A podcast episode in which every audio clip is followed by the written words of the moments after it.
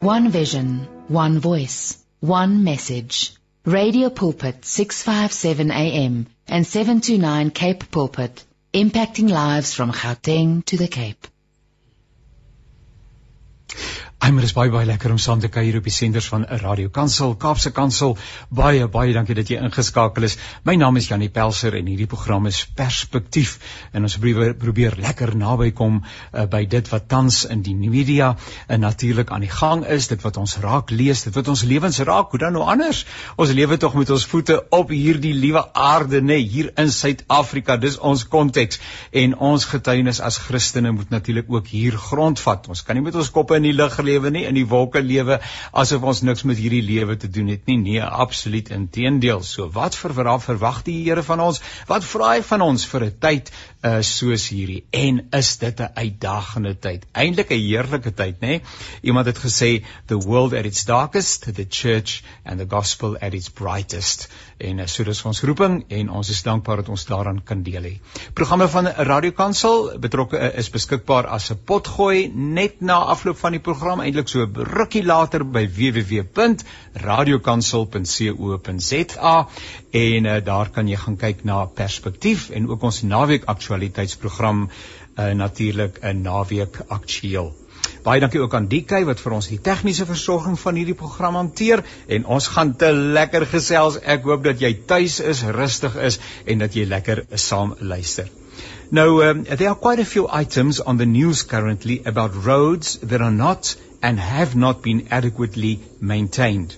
Vehicles are damaged, lives are lost, and services cannot be rendered. It is even suggested that South African roads may be some of the most dangerous in the world. Well, what is the current state of affairs? What is being done? And more than that, what needs to be done at this particular time? Mr. Leighton Beard is the spokesperson for the Automobile Association of South Africa, and uh, it's wonderful to have him uh, with us in studio today, Mr. Beard. We're on uh, Zoom, so if you feel comfortable, you can put on your camera, then I can see you. Uh, if that is available. Nevertheless, I do trust that you can hear me. There you are. How are you this morning, uh, Mr. Beard? Good, thanks, Johnny. I'm uh, glad to be with you guys. Thank you so much for uh, making the time to be with us. Um, uh, if I may call you Leighton, uh, can we start off with, uh, you know, some uh, terminology and concepts and et cetera, et cetera are well known. We hear it on the television, we see it and so on, but we don't really know what it's all about. So just give us a bit of context uh, about the AASAs, or the Mobile Association of South Africa. What is the mandate? What is the calling? What is their role within the present context in South Africa? So the AA has been around for more than 90 years, and I think a lot of people will remember the AA as an uh, association that provides roadside assistance to motorists. Obviously, over the years, that role has um, evolved. Um, we provide a lot more uh, than that right now. I mean, we we have a, number of different products. We still obviously provide that roadside assistance functionality, but we provide emergency medical response. We've got uh, armed response services that we provide uh, through our AA security solutions packages. Um, and all of this is obviously available on our website. Um, there's a number of financial services that we offer. Uh, we're innovating all the time to bring new technologies to market that make life better for not only motorists, but all consumers. We play a role in terms of advocacy, which is part of what I'm doing with you today, but we uh, we lobby the government on certain issues around road safety um, and legislation that affects road users. Um, we obviously have a travel uh, uh, component to what we do. We issue international driving permits, but we also provide um, certain travel benefits and services to to consumers. So there's a number of different things the AA is involved in, Yanni. And um, you know, like I say, at the forefront of everything we do at the moment is the use of technology to make life easier for people who are members of the AA. And we're a not-for-profit organization, association. And we, very um, you know, we, we're there for consumers. Uh, consumers are at the heart of everything that we do. Uh, and it's very critical for us that, um, that, uh, we are motivated by making sure that um, legislation and laws and regulations um, and the general environment in which people operate in terms of uh, transport is geared towards making it better for consumers. Well, thank you so much for that introduction. I think already this uh, this demonstrates something very important, and that is that uh, general public sometimes have the idea that you know, inverted commas, nothing is being done, nobody does anything, and uh, just uh, simply stating what the AA, amongst many other role players, are doing, uh, we can already see that a great deal of, of work is being done behind uh, the scene, as it were. But nevertheless, Leighton, I, I've seen so many reports of accidents happening on roads in uh, the Free States, uh, uh, Northern Cape, Eastern Cape, Northwest Province, etc. In the last few days, uh, there's been numerous uh, uh, reports that have been coming out. Uh, so um, in some places you can hardly speak of a road when I just look at some of the graphic material that is on, on, on the electronic media and you look at the road, you can hardly speak of a road. But you are well informed, as you already said by way of in introduction and so on, and an expert in this field. So, so I know it's generally, but what is the state of roads in a South African context? Yeah. Um, look, I think our general feeling is uh, a very mixed type of uh, uh, feeling. On the one hand, um, we have some very good roads in South Africa. In fact, some of the best in the world. Um, you know, you look at the road between Johannesburg and, and Pretoria. Um, you look at some of the highways that lead into Cape Town and, and into uh, into some of the other major um, cities in our country. Um, the road surfaces are very good. Um, the the signage is very good. The markings are very good. In many places, there are sufficient uh, street lights. So, um, you know, on that, and they are well maintained to a large extent. Um, you know, Sunrail does perform a very vital service in that regard. And, you know, provincial governments also play their role where they need to. So, um, it's very difficult to say, um, that every single road in South Africa is rubbish and is poor and uh, is dangerous. Um, you know, obviously there are those, but I mean, there are, you, and we need to give credit and, and acknowledge the fact that there are very many roads, you know, stretching thousands and thousands of kilometers that are very good. On the flip side of that, Yanni, we do see that there are very many problems, um, and we find these especially in some of the, the rural areas and rural towns of South Africa. Um, you know, we look at, um, you know, some of the places, um, and there aren't roads. There are just potholes and there's just gravel roads where there used to be tar roads. So, and that unfortunately is, is something that happens in some of the, um, the Plaasdorpies or the, uh, the smaller towns, um, you know, around the major urban areas. And that is obviously a huge concern. When you get things like the KZN floods that happened recently, yes, um, yes. that just exacerbates the problem. Um, and it's an issue of maintenance. You know, when, when you have a small pothole and it rains, that pothole becomes bigger and nobody maintains it. And so you've got these issues. So, um, yes, there are some very, very poor roads in South Africa and they do require a lot of attention. So I think, um, in a nutshell, my answer to you would be it's a mixed bag. We have some roads that are really well maintained, specifically in the urban areas, but unfortunately there are some extremely bad roads, um, especially in our rural areas, and some of those are access roads, which makes it uh, equally concerning. Um, Nathan, without playing the blaming game, because that doesn't, doesn't get us anywhere, but can I ask the question, okay, so how did we get here? Uh, I appreciate the fact that many of the roads, especially the national roads, the bigger roads, uh, uh, are uh, more prominent roads, are well kept. Uh, but then you look at uh, visual material of, of, mm. as you've already said, where there hardly is a road. So now, yeah. often we have this conversation. Is this a mixed baggage in a sense. Is this part of the legacy from the past? Is this what uh, the, the government and, and, and the, the Neo South Africa inherited? Uh, is this, is it just an unwillingness to do what needs to be, to be done, uh, by local government and all very, the various structures that are in place? You know, not without playing the blaming game, but some way, where do we address this? Where do we write the letter to? um, so yes, I mean, I think a lot of it is legacy issues. Um, you know, when you look at the townships, I was in Soweto two months ago, um, and there weren't any roads that were developed in in in, in some of these township areas.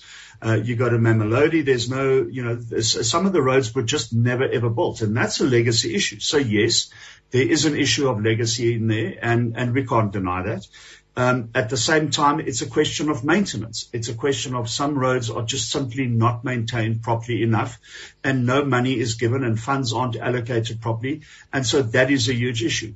This issue of the allocation of funds is a massive, massive problem for the AA in two regards. The first is, is um, when it comes to um, corruption and graft and the misappropriation of funds where money is diverted to go to certain projects. It should actually be going um, to, to, to these things where, um, where you have a need. So, you know, when, for instance, um, you know, a project is announced and it's going to be giving, you know, 20 million rand to whatever, um, you have to ask, is that a necessary project? Is that sorting out a problem? Um, and so the allocation of money and where that money goes and the accountability for that money is very, is very important. The second issue is, um, you know, you have a system, uh, in Gauteng called the Gautrain. Now, um, on the Gautrain, it's a high-speed rail network between Pretoria, between Hatfield and Johannesburg, and the airport as well. And it's an amazing service. It's it's extremely professional, very well run um, you know, very efficient, world-class. There's no question about that. The contract that was signed between the private concessionaire and the government uh, at the time um, included a clause called the patronage guarantee. And what that patronage guarantee determined was that if the Gautrain does not, and I'm, and I know this sounds like yes. I'm getting to a, a, very long answer, but I'll get to the point yes. in a minute. Very great. Um, so, you know, in, the patronage guarantee is, is a clause in the contract that says if the Gautrain does not achieve the numbers of people who ride on that system on an annual basis, it will be compensated by government.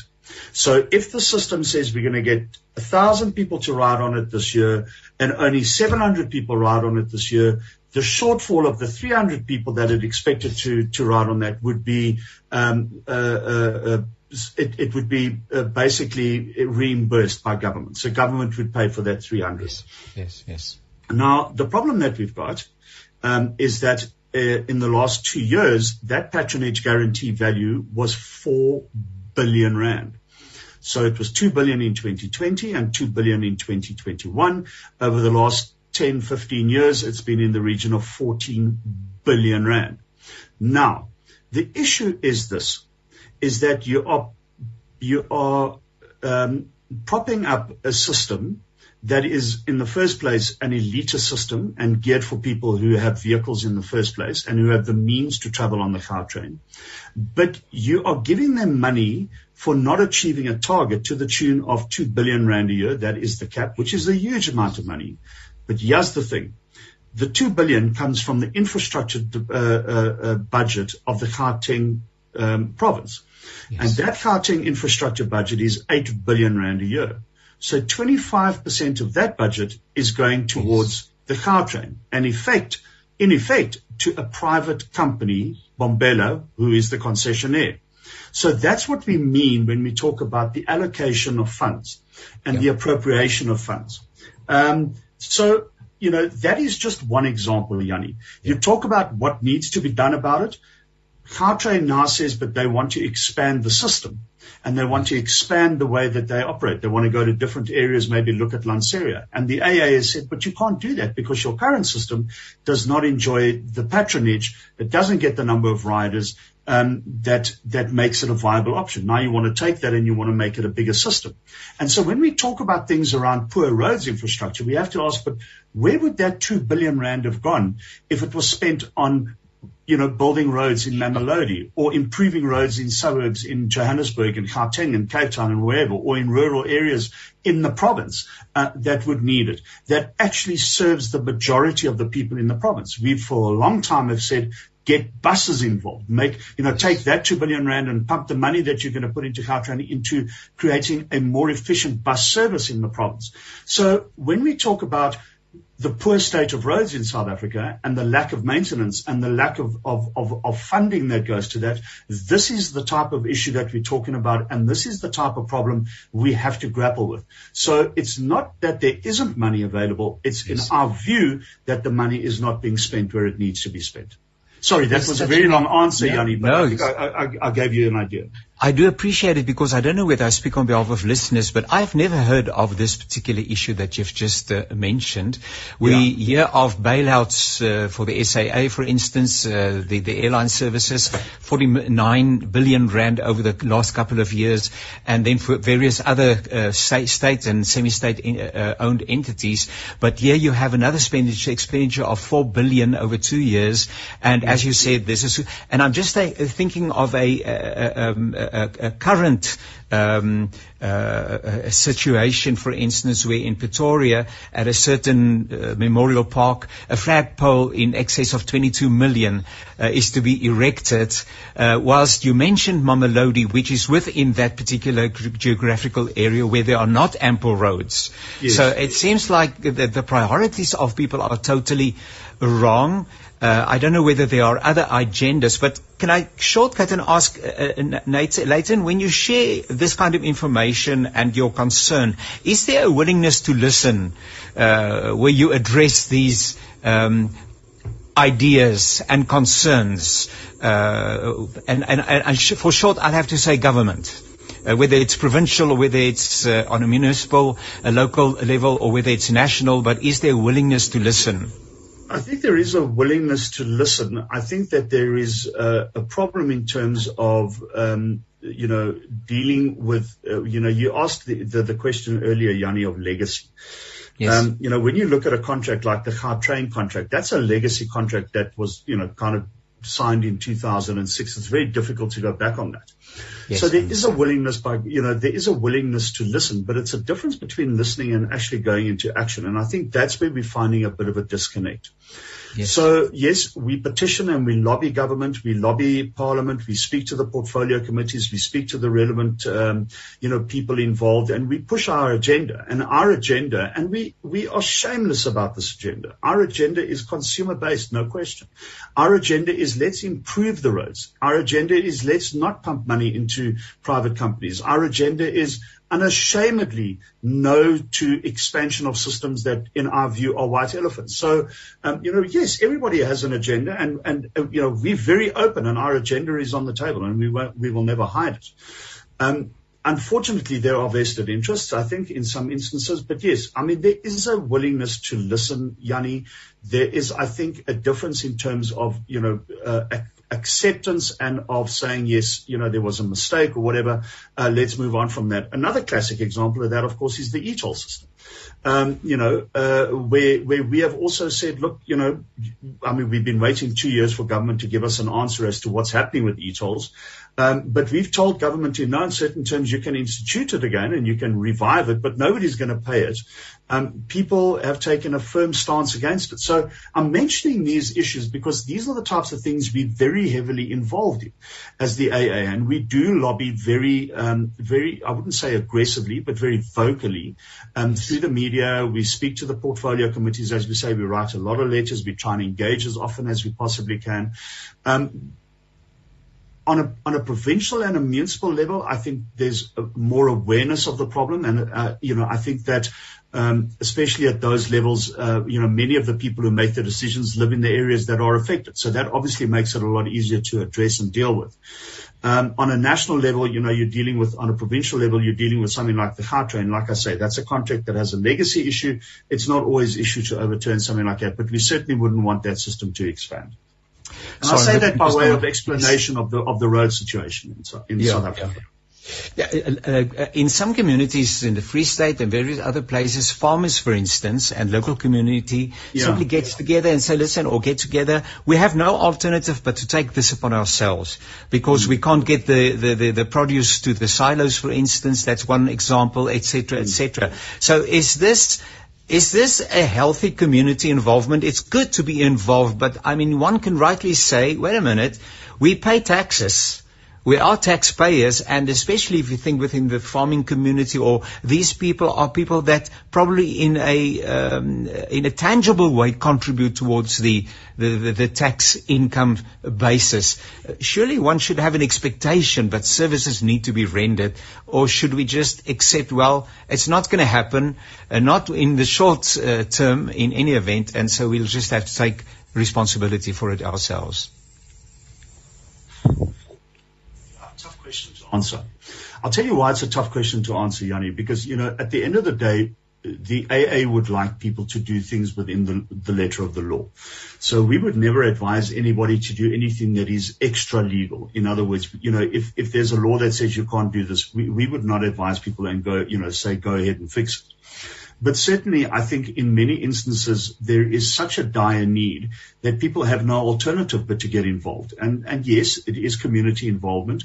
Um, and in many cases, it's it's commercially driven. You know, a farmer that can't get his his um, his seeds to the silo needs to make a plan, and and and that's you know he he just decides, well, bloody hell, I've got to do this, and he gets jumped in and he gets it done. You know, and so that's what happens. Yeah, so yeah. and and you know, and the farmer may use a little bit more colourful language than that, but um, but but but but I think the point is is that you know yes that there is community involvement, but again, I mean, Yanni, this whole question comes back to the appropriation of funds. Yes. We have this pot of money that is available. I mean, you know, through the fuel levy, you know, on every litre of, of petrol that you buy or yes. diesel, you pay three rand ninety three a litre to to to tax. That's a huge amount. Okay. Um, so that 3 rand 93 goes to government. Government through that generates around 95 billion rand a year to the fiscus. Now that goes to to government, and they can use it to to build uh, schools. They can buy medicines for clinics. They can do whatever they want with that money. It's not transport related. Now, if you were to ring fence 10 cents of that for road infrastructure. And I, and I know we've got a road budget and we've got transport budgets, but it's about the allocation of the money. Again, you know, you take money that you have available and are you spending it in the right way? And that for us is the key core issue that needs to be dealt with more rather than if people are fixing the roads is, is that, you know, community, of course it's community involvement. Yes. Um, but yes, I think what we'd like to see is the provincial, municipal and national governments playing their role so that that didn't happen in the first place, didn't need to happen in the first place. Yeah. Just two last remarks, uh, uh, Leighton, and it's so nice just to um, have some thoughts with you and share some thoughts with you, and also to hear what a, a, group like yours, for instance, is doing, which really encourages a great deal. And I want to congratulate you on what you are doing, uh, also you. on behalf of our listeners. Um, I, I, attended a conference yesterday uh, at Oliver Tambo, uh, there by a very, uh, a very, very prominent hotel group, very prominent. There are more hotel groups in that area that house uh, international visitors uh, that come and that go. Um, the road, uh, the way that Google directed me, I had to turn off there by Voortrekker Road into Kempton Park and then follow the road so that I could get to the hotel. That road is so badly maintained. It is one pothole after the other. And I was just wondering, I mean, you know, uh, just for that local government to think and whoever is involved, if you have an international investor and I see, he says, listen, I'm, I'm looking for investment opportunities and he gets to something like that, he either says, listen, this is, I just have to invest and help these poor people or listen, I'm not going to get uh, a dividend on my investment if this is what it looks like that's a problem. And I mean, you know, the optic is very important as well. You know, you've got people from overseas coming to South Africa. So you do want to put your best foot forward. I think, you know, before we even reach that point, we've got to consider, you know, the roads for the people that live in these areas as well.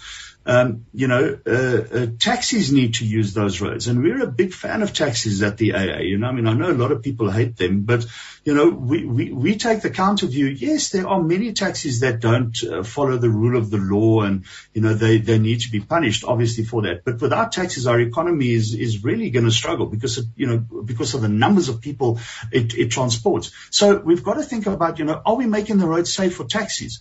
Are we making the roads safe for pedestrians? Are we making the roads safe for just general people using it on a daily basis? People on bicycles, people on motorbikes, you know, these are the types of things. And that for us is where um, it needs to start because it's a road safety imperative, Yanni. If your roads are in a poor condition, your roads are not going to be safe. People are going to swerve to avoid potholes. They're going to hit pedestrians. They're going to hit other cars. They, so that's for us where it needs to begin and end. And again, it's a question of let's appropriate the funds correctly to make that happen.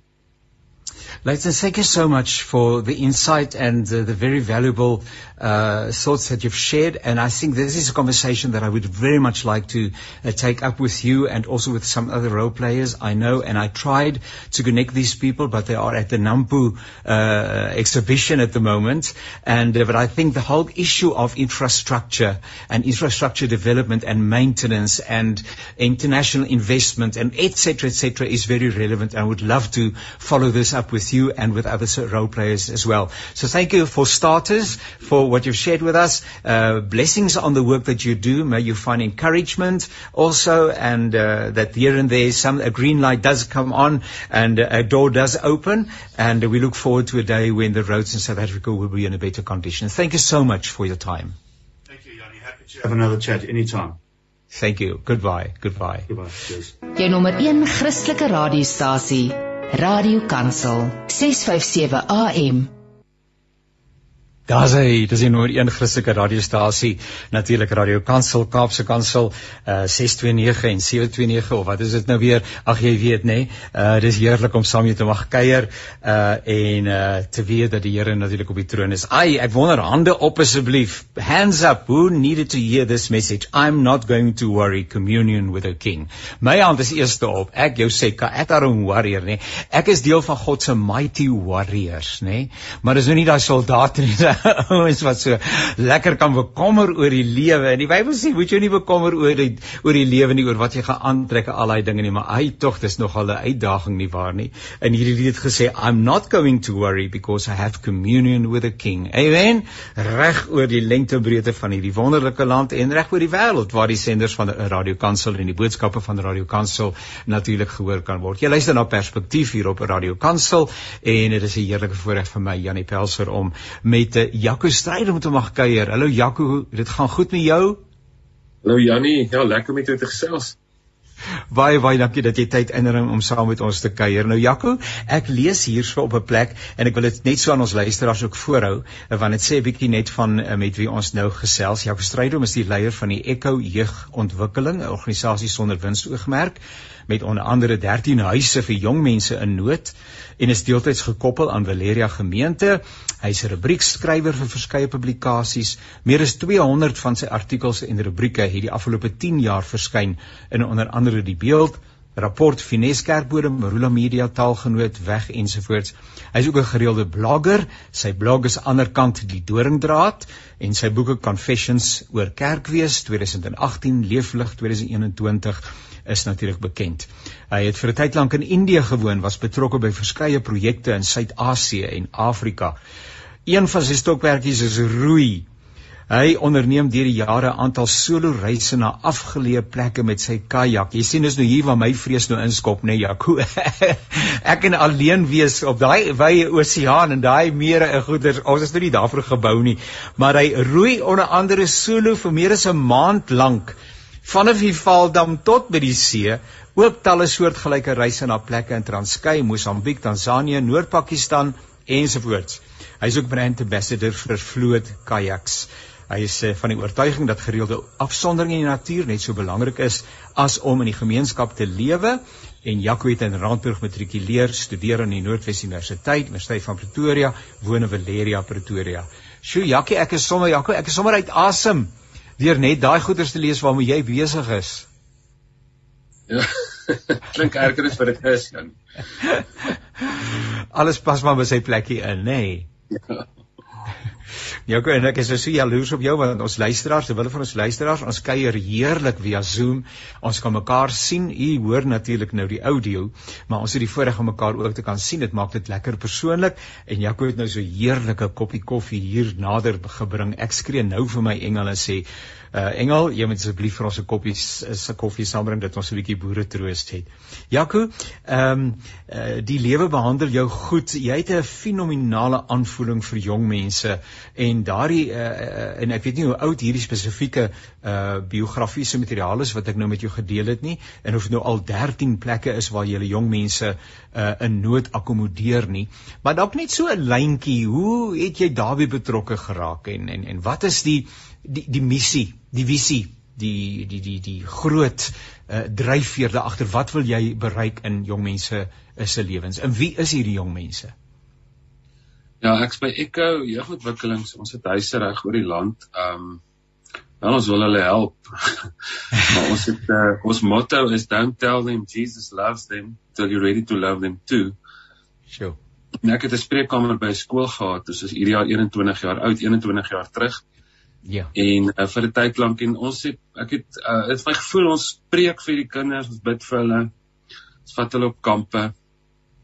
Ons dis baie praat, jy weet, dis praatjies. Ja. Ja. En ons counsel hulle, maar wat hulle nodig het is eintlik 'n familie. Baie van die kinders het net nie 'n familie nie, hulle is in hulle eie genade oorgelaat. En ons het veral gesien as 'n hoërskoolkinders wat die kindersorgstelsels, daar's nie die plek vir hulle nie in die ander tekort is kinders wat in die hoërskool was in kindersorgstelsels in ons ekkohuise of ander huise uh in kinderhuise of straatshelters of wat ook al wat dan dan aan hulle eie genade oorgelaat is na skool en dan uh maak hulle swanger of hulle word swanger en hulle kinders beland weer in in stelsels soos so ons en as ons nie daai ketting daai bose kring loop ja. vir prikkelse se jong mense. Ja, ja, vir 'n oomblik het jy weggeraak, maar ek is dankbaar jy is weer terug en jy praat van daai kringloop eh, wat gebreek moet word in die lewens van jong mense en dat hulle 'n alternatiewe manier van lewe en oriëntering en dies meer kry en 'n goeie verwysingsraamwerk uh ook uh, rondom die geloofslewe. Jaco, jy is 'n krangige skrywer. Ons het hier gelees hoe dat jy artikels en rubrieke skryf. 'n Hele klompie daarvan die het nou al uh, verskyn uh bewyse van uh in boekvorm. Ons het daarna verwys Confessions oor kerkwees. Ek het hulle ook weer hier afgedruk vir myself en dan Leef lig. Ons het in onlangse verlede, nou nie so onlangs nie, maar ek onthou dit ons oor Leef lig ook met mekaar gedagtes gewissel het. En nou is ons by 'n boek met 'n wonderlike naam, naamlik Alle luisteraars welkom. Uh, ek ek vermoed dit is soos iets wat juk en jy moet jy moet daaraan aandag gee en dan word dit dan word dit iets. En uh, nou nou vertel 'n bietjie, wat het gejuk dat jy hierdie boek met hierdie baie besondere benaming Alle sondaars welkom geskryf het? Wel, verskillende plekke het gejuk. Janie, as ek eerlik wees, nie net een. Ek swerwe einde na leef lig die vorige boek het ek swerwe my gekontak Oktober einde verlede jaar iewers.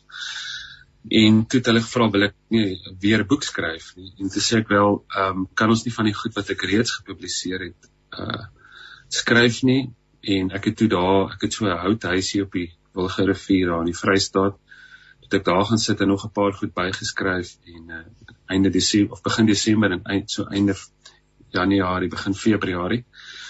Maar 'n klomp van die goed het maar deur die jare ontstaan. Ehm um, en het verskillende in verskillende tye ehm um, gebeur. Ons het hulle dink die rede hoekom hulle kans gesien het vir die boek want ehm um, ek was weet ek dink as min ek het ek nie gedink 'n Christen uitgewer gaan noodwendig kan sien. Ja. Maar ja. goed, ja. het gevra, so dit help 'n bietjie. En die ander ding wat wat gehelp het is ehm um, die blok. Die boek is baie soos my blok aan 'n kan die doringdraad.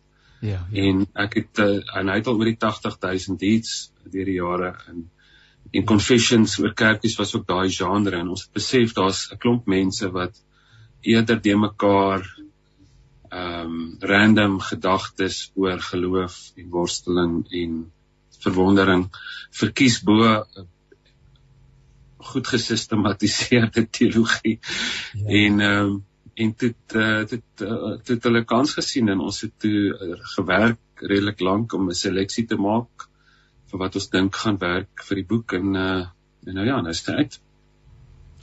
Net net uh, met betrekking tot wat jy nou sê, ek sê dikwels vir Suzet, ehm uh, dis nou my ander helfte of ons gesels met mekaar en dan sê ek ons het nodig om altyd weer weer en weer nuut dink oor God. Want die eenvoudige formules waarmee ons groot geword het en wat selfs dalk deel van ons teologiese verwysingsraamwerk is, wil nie altyd so lekker werk wanneer 'n mens en, en dis 'n geloofs worsteling. Dis nie 'n ongeloofsworsteling nie, maar is deel van ook my eie reis dat ek meermale by 'n geloofsworsteling is iets anders is om te sê, Here, ek het ek het hierdie dinge van U geglo en ek glo dit steeds, maar maar ek kan nie ek maak nie sin nie. Ek sukkel om te verstaan en ek het nodig om nuut oor U te dink. Ek het 'n nuwe openbaring nodig. Ek ek, ek kan nie comfortable raak en sê, "Oké, okay, ek het klaar gedink oor God. Ek weet alles van hom af." En dan word ek gekonfronteer met 'n wêreld en sy nood en is asof jy elke dag net meer en meer gekonfronteer word met die gebrokenheid van hierdie wêreld en dit gooi my weer terug. dan moet ek weer 'n keer sê, maar vergewe my asseblief. Ek het net vanoggend so in my loop saam met die Here gesê, vergewe my dat ek baie keer so kwaai is en so opstandig is. Asseblief. Dankie dat jy my tog verdra. Maar ietsie oor hierdie nuut dink, vars dink, weer en weer dink oor God en liewer sê ek weet nie as wat ek net hierdie bekende formules uitpak, nog 'n teksversie, maar dit bevredig nie ten diepste nie. Ja, ek dink 'n God wat wat vinnig vasgevang word in ons definisies en in ons godsdienstboksies en ons manier van aanbidding. Dit is waarskynlik baie klein. ons maak hom klein as ons dink. Ons kan hom gou gevasvat vroeg in ons lewe en hy weet ons nou alles van hom. Ons weet nie eens die grootste deel van die see het ons nog nie eens ontdek nie. Die die aarde is nog daar's daar's nog elke jaar nuwe spesies wat ons ontdek en ons praat nie eers van die sonnestelsel en die sterrestelsel en die heelal nie. So per definisie van as ons die woord God gebruik, dan sê ons eintlik onbeskryflik groot en ehm um, beteken jy kan hom nie ontdek nie. Ek wil jy kan nie see ontdek. Jy kan in 'n in 'n pool duik en jy kan want daar's 'n klomp goed wat ons actually al weet van die see. Ek dink die feit dat God onverklaarbaar groot is beteken nie dat ons niks van hom kan weet nie. Jesus het eintlik vir ons kom teken ten minste iets weet. Jy kan aanvas. Ja, ja, ja. Maar jy moet altyd weet hy's groter as dit. Jy weet, hy's ehm um, moet altyd weet ek speel nou hier in die rotspoel en dis beautiful en daar's amazing goed en ek kan dalk my hele lewe net hier verken. Ja. Maar daar's ook dieptes wat wat honderde kilometers diep is en daar's ja. nog nuwe dinge wat nog nie ontdek is nie. En die probleem is nie by God nie, die probleem is my kop is net te klein. En ek ja, bedoel die, die, ja. die grootste deel van die Nuwe Testament geskryf het Paulus ja. het gesê ek kyk maar na Dawid speel en sien 'n raaiselagtige beeld. Ja. So ons moet eintlik ehm um, tuis voel daarin. Wat ek heelwat van maak in die boek Janie wat ehm um, voels my die Christen literatuur is vol dagstukkies. Ja. Ehm um, maar die Bybel is ook vol nagstukkies en ek dink die feit dat ons die nagstukkies ja. so ken dikwels ja. maak dit 'n baie baie groot deel van die Bybel nie lees nie. En 'n baie baie groot deel van die Bybel ja. is worsteling met God. Is ek verstaan God nie. Dit wat ek aanvanklik gedink het, maak nie meer sin nie bedoel daar's 'n boek klaagliedere. Daar's ja. 'n paar mooi psalms, maar daar's nou 'n hele lot donker psalms wat die laaste ding is wat jy lees, jy depressief voel. Ja. En uh, Job, is groot deel van Job is redelik donker en ehm um, ja. En ek wonder partykeer ehm um, binne die Christelike musiek en uh boekbedryf en uh en so aan wonder partyke sou ons al die psalms uitgegee het. Jy weet ook daai een wat Dawid gesê het ek lees die kinders se koppe word platgeslaan. Sou ons hooglied ja uitgegee het. Ehm um, sou ons sou hoogmoed sou hooglied die Bybel gehaal het as dit van van die Christen media ouens afhang het. Sou ehm um, sou sou ja. prediker want hy raak redelik depressief en donker as ek al ja. tot my Ja. En uh, in die boek is nou nie 'n boek net vol nagstukkies nie want dit sou 'n lekker naam dan gewees het. Daar's dagstukkies en nagstukkies, maar ja. Hulle sê jy moet nie worry as die hartmasjien op en af gaan nie. Jy moet worry as die ding begin stil raak en en ek wonder dis wat my miskien is dit een van die goed wat ons moet laat worry oor die Christendom is dat ons so mediocre in die middel probeer lekker ons ons laat mekaar lekker voel met die die beloftes in die Bybel en 'n paar mooi goed. Ehm um, maar ons lees nie die hele storie nie en ons sien nie regtig kans vir die donker dieptes nie. En dan mis ons eintlik ook uit op 'n op 'n groot stuk ontdekking.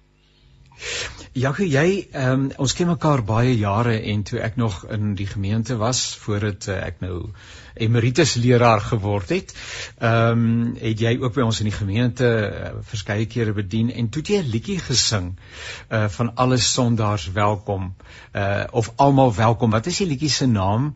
Ehm um, Ja, weet jy wat dis waar die titel van die boek uh wel op die ou en ek het toe nogal so gewonder daaroor van die boek die liedjie se naam is Alle sondaars welkom. Kan jy nou, verbatim van die versies onthou jy, of as jy as ek nie die ja, ding sing, kan ek nie die woorde onthou nie. Wel dit begin so, dit gaan onder andere so. Ons het eers toe ons ons eredienste destyds by EK begin het, het ons pamflette op straat uitgedeel om mense te nooi en eintlik ja, ja. was lank op ons webwerf en word word dit 'n liedjie en eintlik dink ek elke kerk moet 'n bord hê wat sê dwelm verslaafdes, misdadigers, alkoholiste, prostituie, gomsnyfers Ja. Ehm um, jy weet uh, global rugby ondersteuners. ons het op die ouendes skoonmaas en ehm um, hoofdokters en apartheid helde en terroriste en boere musiekliefhebbers en en die oraliste. En die kerkoraliste. Ons het letterlik elke naam vir mens wat jy ook ja. kan indink. Ja. So selfs aliens en imaginary friends net vir ingeval aangesit. En dan ja. aan die einde staan daar, jy weet, kerkmense, jy weet daar staan aan die einde ek dink iets soos uh, skelms, bedrieërs, ja, kerkmense en dan staan op die einde alles sonder welkom.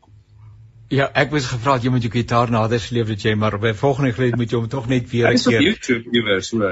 O, is op YouTube nou ja. Ek uh, dit moet baie prominent meer op die radio kom en so aan. Uh, nee, ek onthou daai liedjie en en en uh, is, en en binne die konteks van dit wat jy nou sê want is ook waar jou boek gaan en so aan.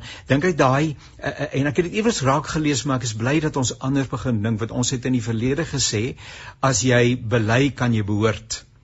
Nou het ons dan agtergekom as jy kan as jy behoort sal jy bely.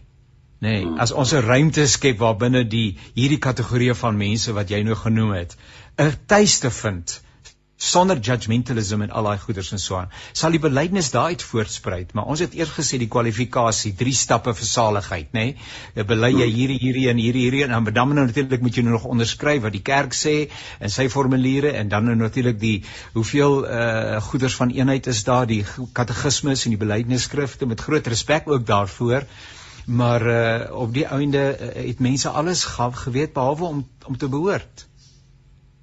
Ja, ons het vreeslik ons het baie meer voorwaardes vir mense om naby die liggaam van Christus te kom as wat daar voorwaardes was om naby Jesus te kom destyds. 'n 'n groot vraag wat ons vir onsself moet vra is hoekom is die malaatses van ons tyd, die tollenaars van ons tyd, die uh vrou wat in oorspel betrap is, die samaritane van ons tyd, kom sien ons hulle so min in ons eredienste. Ons eredienste is redelik monotoon. Dis 'n redelike spesifieke profiel mense wat gewoonlik in die in die erediens sit en ehm um, en 'n mens wil mense moet baie keer nader kom voordat hulle die liefde kan ervaar en hulle lewens verander. Ek dink net nie ons is ook eerlik oor ons sondes nie. Ons het ons dis soos ons raak soos die fariseërs.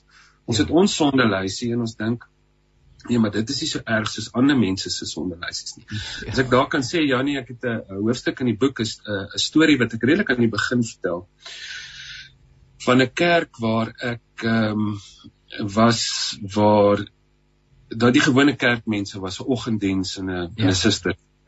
En ehm um, ek dink daar was selfs nog 'n orgel en so. So die gewone mense oral wat jy maar in die auditorium kry met die band, die kerk met die orgel ja. kry. Hierdie dis 'n redelike tipiese profiel mense.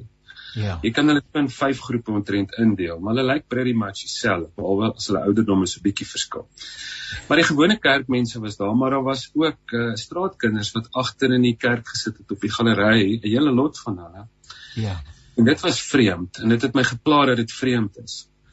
En uh toe daar 'n dronk ou ingestrompel gekom met so verband om sy kop met die bloed wat deurvloei deursyfer en toe het iemand gelukkig opgestaan dat die ou kan sit. Ek weet nie, hy het seker net uit die hospitaal uitgekom. En toe dink ek dis vreemd, maar dis wonderstel om so vreemd te lyk nie, want dis die mense wat tuis gevoel het by Jesus. En toe op die stadium toe uh, net voor die diens begin, ek staan toe al op die kansel, toe kom daar 'n 'n paar prostituie in, hoor ek toe nou later. Kom vrouens en hulle gaan sit toe daar voor in die kerk, want dis die enigste plek waar daar plek oop was. En die ou sê toe nee, hulle mis nie sommer 'n oggenddiens. En ek dink toe aan Bonhoeffer wat gesê het hy daar by die Notre Dame gesit destyds en toe sien hy die prostituie wat in die oggend gaan bid en toe sê voel hy maar hulle moet tuis voel by die kerk. Die kerk moet die plek wees waar hulle tuis voel. En ek sê sê wat ek gedink het toe die toe die lofprysing begin en almal staan en hulle loof die Here, toe ek kyk ek so te dink ek Jesusie, dis nogals beautiful om 'n 'n prostituut en 'n materialis en 'n rassis en 'n dronkaard en mense wat met 'n skinderbek en 'n hoogmoedige en om hierdie verskeidenheid van mense so saam die Here te sien aanbid. En toe onthou ek lees ek 'n tweet wat sê don't judge me because I sin different from you. Ja. Ehm um, ja, Jesus ja, het konsekwent ja. hierdie evangelies eintlik 'n baie groot issue gehad met die bestudeerders van die vroeë bestudeerders van God wat geestelik hoogmoedig was en hulle het as hulle taak gesien het om te wys wie's uitgesluit en so aan en hy het ja. vreeslike empatie gehad oor en oor konsekwent met die ja. die stikkende en die met die sondaars. Sy lewe het gesê alle sondaars welkom. Inteendeel daai teks oor die in Lukas 15 oor die verlore muntstuk, verlore skaap waar die ou 99 skape wat in die kraal is los om die een te gaan soek en die verlore seun begin met die woorde die godsdienstiges was ontstel want 'n klomp sondaars het agter Jesus aangekom. En dan eindig dit eintlik met die met die verlore seun, die tweede broer wat in sy pa se huis was, maar nie sy pa se hart gehad het nie. En dan sê Jesus eintlik daarmee: "Julle is julle is soos, soos daai tweede broer. Jy kan baie godsdienstig wees sonder om God se hart te hê as jy nie hart vir die wêreld het nie." Sjoe, Jaco, ek kan ek kan sommer baie lank met jou gesels en jy roer my eie hart en ek het nodig om ook altyd weer en ek vermoed dit is ons het nodig om altyd weer na onsself te kyk uh en te sê gee my meer van die hart van Jesus. Ehm um, en en en ek dink nou maar sommer hardop oor 'n tannie wat my eendag gebel het oor nog 'n kategorie van mense wat nie tradisioneel welkom is in die erediens nie en hulle is baie ter sprake. Jy sal en ons luisteraars sal presies weet maar ek wil dit nou nie hier nie want dan word dit nou weer besprekingspunt en die smeer en kerke organiseer seer selfs om hierdie mense uit te hou. Uh wat tragies is terwyl die wêreld doodgaan van die honger, maar ehm um, uh, en toe sê die tannie toe ek nou vir haar probeer verduidelik hoe ek daaroor voel en toe sê sy maar ons moet die mense op hulle sonde wys. en watter arrogansie is dit nie nê nee, want dit is in elk geval die gees van God se taak om mense te oor te, te van sonde oordeel en, en geregtigheid oortuig. Dis nie my soos die juffrou altyd wat op skool sê, ehm um, vir die kinders sê, jy het baie gehoor op 'n stadium. Julle moet soet wees want Jesus hou nie van stoute kinders nie. Dan dink ek dis maar baie stout om dit te sê.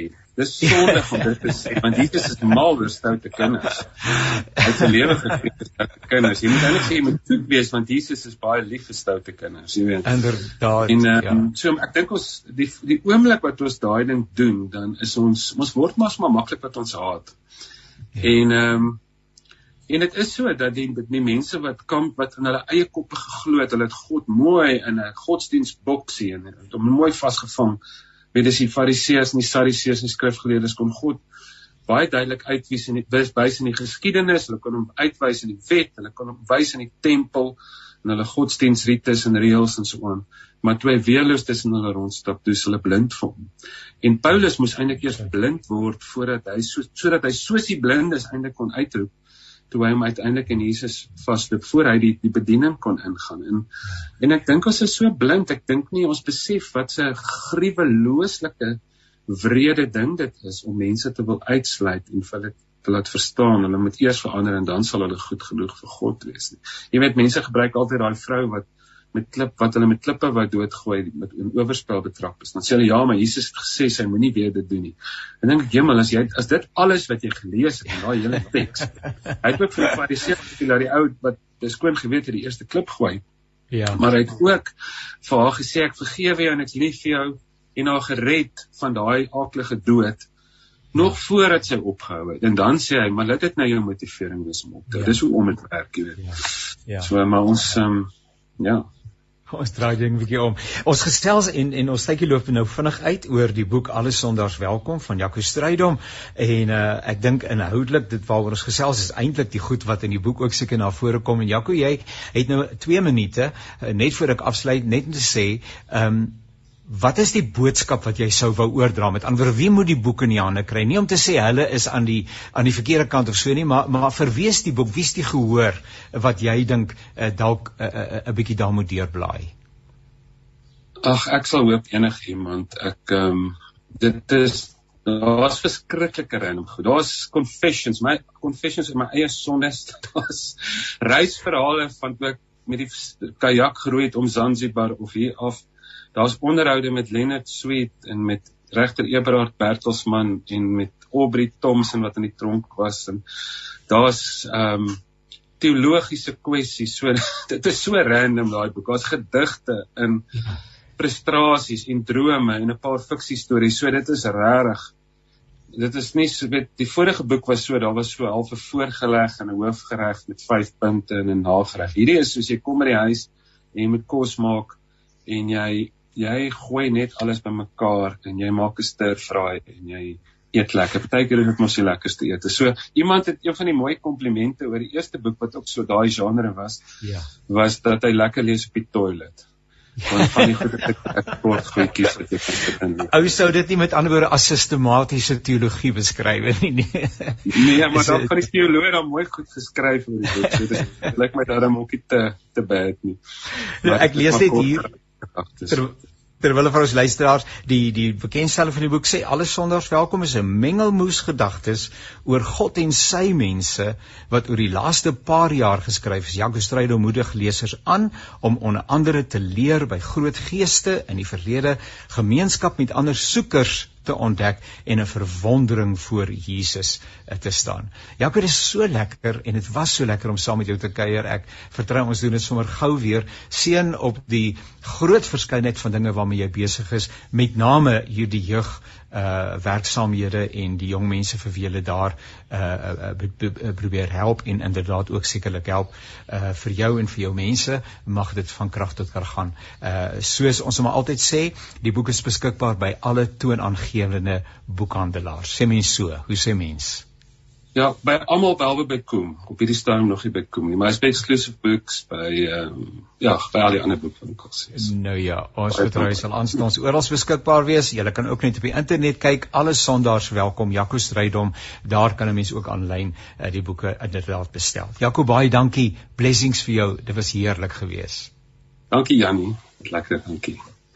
En daarmee het ons aan einde gekom van hierdie aflewering van Perspektief. Dit was kosbaar om saam met jou te kuier. Ons het met Luiten uh, Beerd gepraat oor die paaie in Suid-Afrika. Wat 'n uitdaging, nê?